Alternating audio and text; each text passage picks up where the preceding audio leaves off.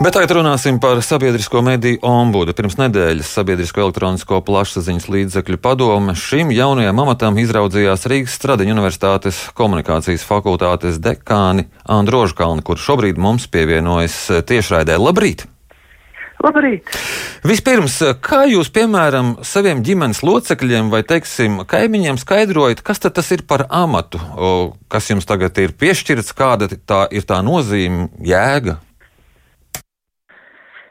Nu, ja, e, tā tad es redzu šo uh, jauno, jauno institūciju, kā pašlaik Latvijā vēl nesoši iespēja tomēr uh, savienot mediju neatkarības un auditorijas interešu aizstāvību. Tā, jo tas pied, tātad ombuda amats piedar pie pašregulācijas un galvenā, galvenā nozīme ir rūpēties par eh, sabiedrisko mediju profesionālās kvalitātes uzlabošanu, uh, ir to, kādā mērā tiek ievērota profesionālā ētika, ko es redzu kā radošumu, uh, veicinošu nosacījumu kopumu, nevis to ierobežojošu.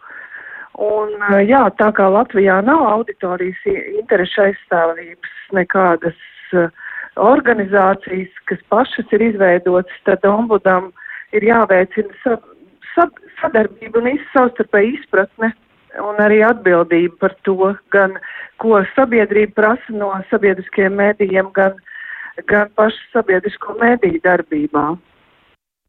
Sadarbību un izpratni, bet kā to vispār panākt? Un jautājums, vai cik lielā, cik lielā mērā sabiedrība izprot žurnālistu darbu?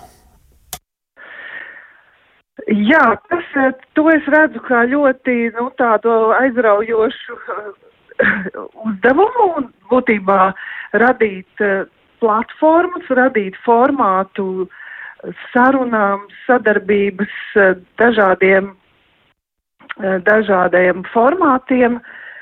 Arī es tajā redzu to, kas nav pierasts mēdīju vidē, pašrefleksija par savu darbu, atklāt, teiksim, neredzamo pusi, padarīt caurskatāmāku žurnālistu darbu, tos izskaidrot, kāpēc kaut kas tiek darīts, kādā veidā, un tieši To es redzu kā iespēju veicināt uh, sabiedrības izpratni par žurnālistiku, kas ir dinamiska, tā mainās, arī prasības pret žurnālistiku mainās un, un pašreizējā, nu, tādā bagātīgā informācijas vidē mēs arī redzam, ka daļa, daļa cilvēku ļoti labi izprot, ka mediju neatkarība ir nepieciešama, lai tuvotos patiesībai, lai sabiedrībai būtu pieejama patiesa informācija, pat, pat tad, ja tā ir nepatīkama, traucējoša, kaitinoša. Bet, protams, mēs redzam arī eh, nu, tādus procesus, kur uh, mēdīju, kritiskā attieksme pret mēdījiem, kas ir normāla, tomēr uh, izskatās arī pret, pēc mēdīju neatkarības un izteiksmes brīvības ierobežojumiem. Uh, Un uh, tas ir arī viens no būtiskiem ombuda darbiem, uh, teiksim, uzņemties iniciatīvu un skaidrot arī šādus procesus. Tad tas skaidrošanas process ir vajadzīgs sabiedrībai vai tieši politiķiem? Nu, nu pat jau laikam jūs domājāt šo, šīs domstarpības par to, kā sabiedriskie mēdī atspoguļoja notikumus uz Baltkrievijas-Polijas robežas.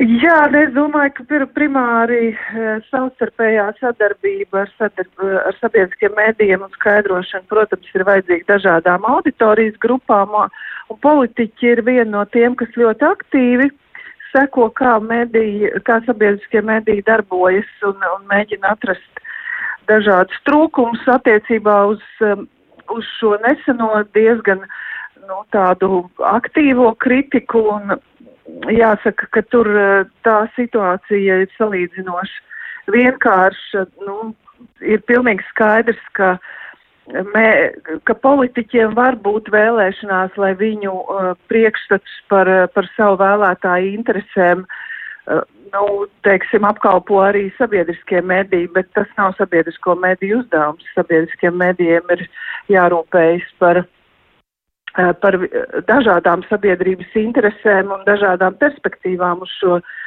nu arī uz tā, skatoties uz tādu pretrunīgu jautājumu, kas izraisa dažādas, dažādas viedokļu sadursmes un emocijas sabiedrībā. Bet viens deputāts jums sacīs, bet tā ir valsts televīzija, valsts radio, un viņi saņem valsts naudu. Jā, jā, nu tad, tad, protams, parunāsim par deputātu, kurā gadsimtā viņš, viņa priekšstati ir aizkavējušies, un, un mēģināsim atrast kaut kādu kopīgu, kopīgu uh, Eh, kopīgas idejas, kas tieši būtu jādara sabiedriskajiem mēdījiem un ko nosaka likums un ko nosaka profesionālās ētikas principi, kas eh, būtībā ļauj, eh, ļauj pārvarēt šo nu, tādu viegli izveidojamo saikni dažu cilvēku galvās starp, starp priekšstatiem, kas ir valsts un mēdījiem, kas nav nekādā veidā valsts mēdīji, bet gan sabiedriskie mēdīji, kuriem ir jā, ļoti sarežģīti jāparāda tas, kas arī kādam nepatīk un šķiet, šķiet pretējs tā brīža interpretācijām par valsts interesēm. Pārmetums par sabiedrisko mēdīju ietekmēšanu savulaik ir izpelnījies Neplpē. Tagad līdz ar ombudu izveidošanu, ar jaunās padomas izveidošanu, ar veco padomu būs izveidojies tāds kā līdzsvars. Dzīvosim mierīgāk, laimīgāk? Jā, es domāju, ka pa, pašreizējā padome, kas ir būtībā profesionāļu padome, Eh, daudz labāk eh, izprot eh, savus, savus uzdevumus tādā veidā, ka cenšas izveidot pašlaik šo jauno sistēmu, kurā, kurā būtiski ir arī redakcionālās vadlīnijas, kas tiek izveidotas sabiedriskajos mēdījos un, atbalst, un, un strādā, lai atbalstītu sabiedrisko mēdīju attīstību, nevis nu, caur eh, pārmērīgu kontrolēšanu, eh, teiksim, eh, mēģinātu panākt sabiedrisko mediju, kādu ietekmu uz sabiedrisko mediju saturu vai pat pašcenzūras kādus, nu, tā, teiksim, gadījumus, jo, protams, tas spiediens vienmēr nepatīkams ir arī um, kas, kas ir bijis un, un šie dažādie pārmetumi, kas nāk gan tiešā veidā, gan netieši. Nu jā, nu, tā, tā ir tas. Tas -huh. ir mhm. tas ombuda arī uzdevums, tomēr proaktīvi reaģēt un jā. mēģināt, mēģināt izskaidrot šīs problēmas. Jā, bet sūdzības vēl divus mēnešus var nerakstīt, kā noprot. Lielas paldies par šo sarunu. Atgādinu, ka mēs sazinājāmies ar sabiedrisko mediju ombudu Andu Rožkalni.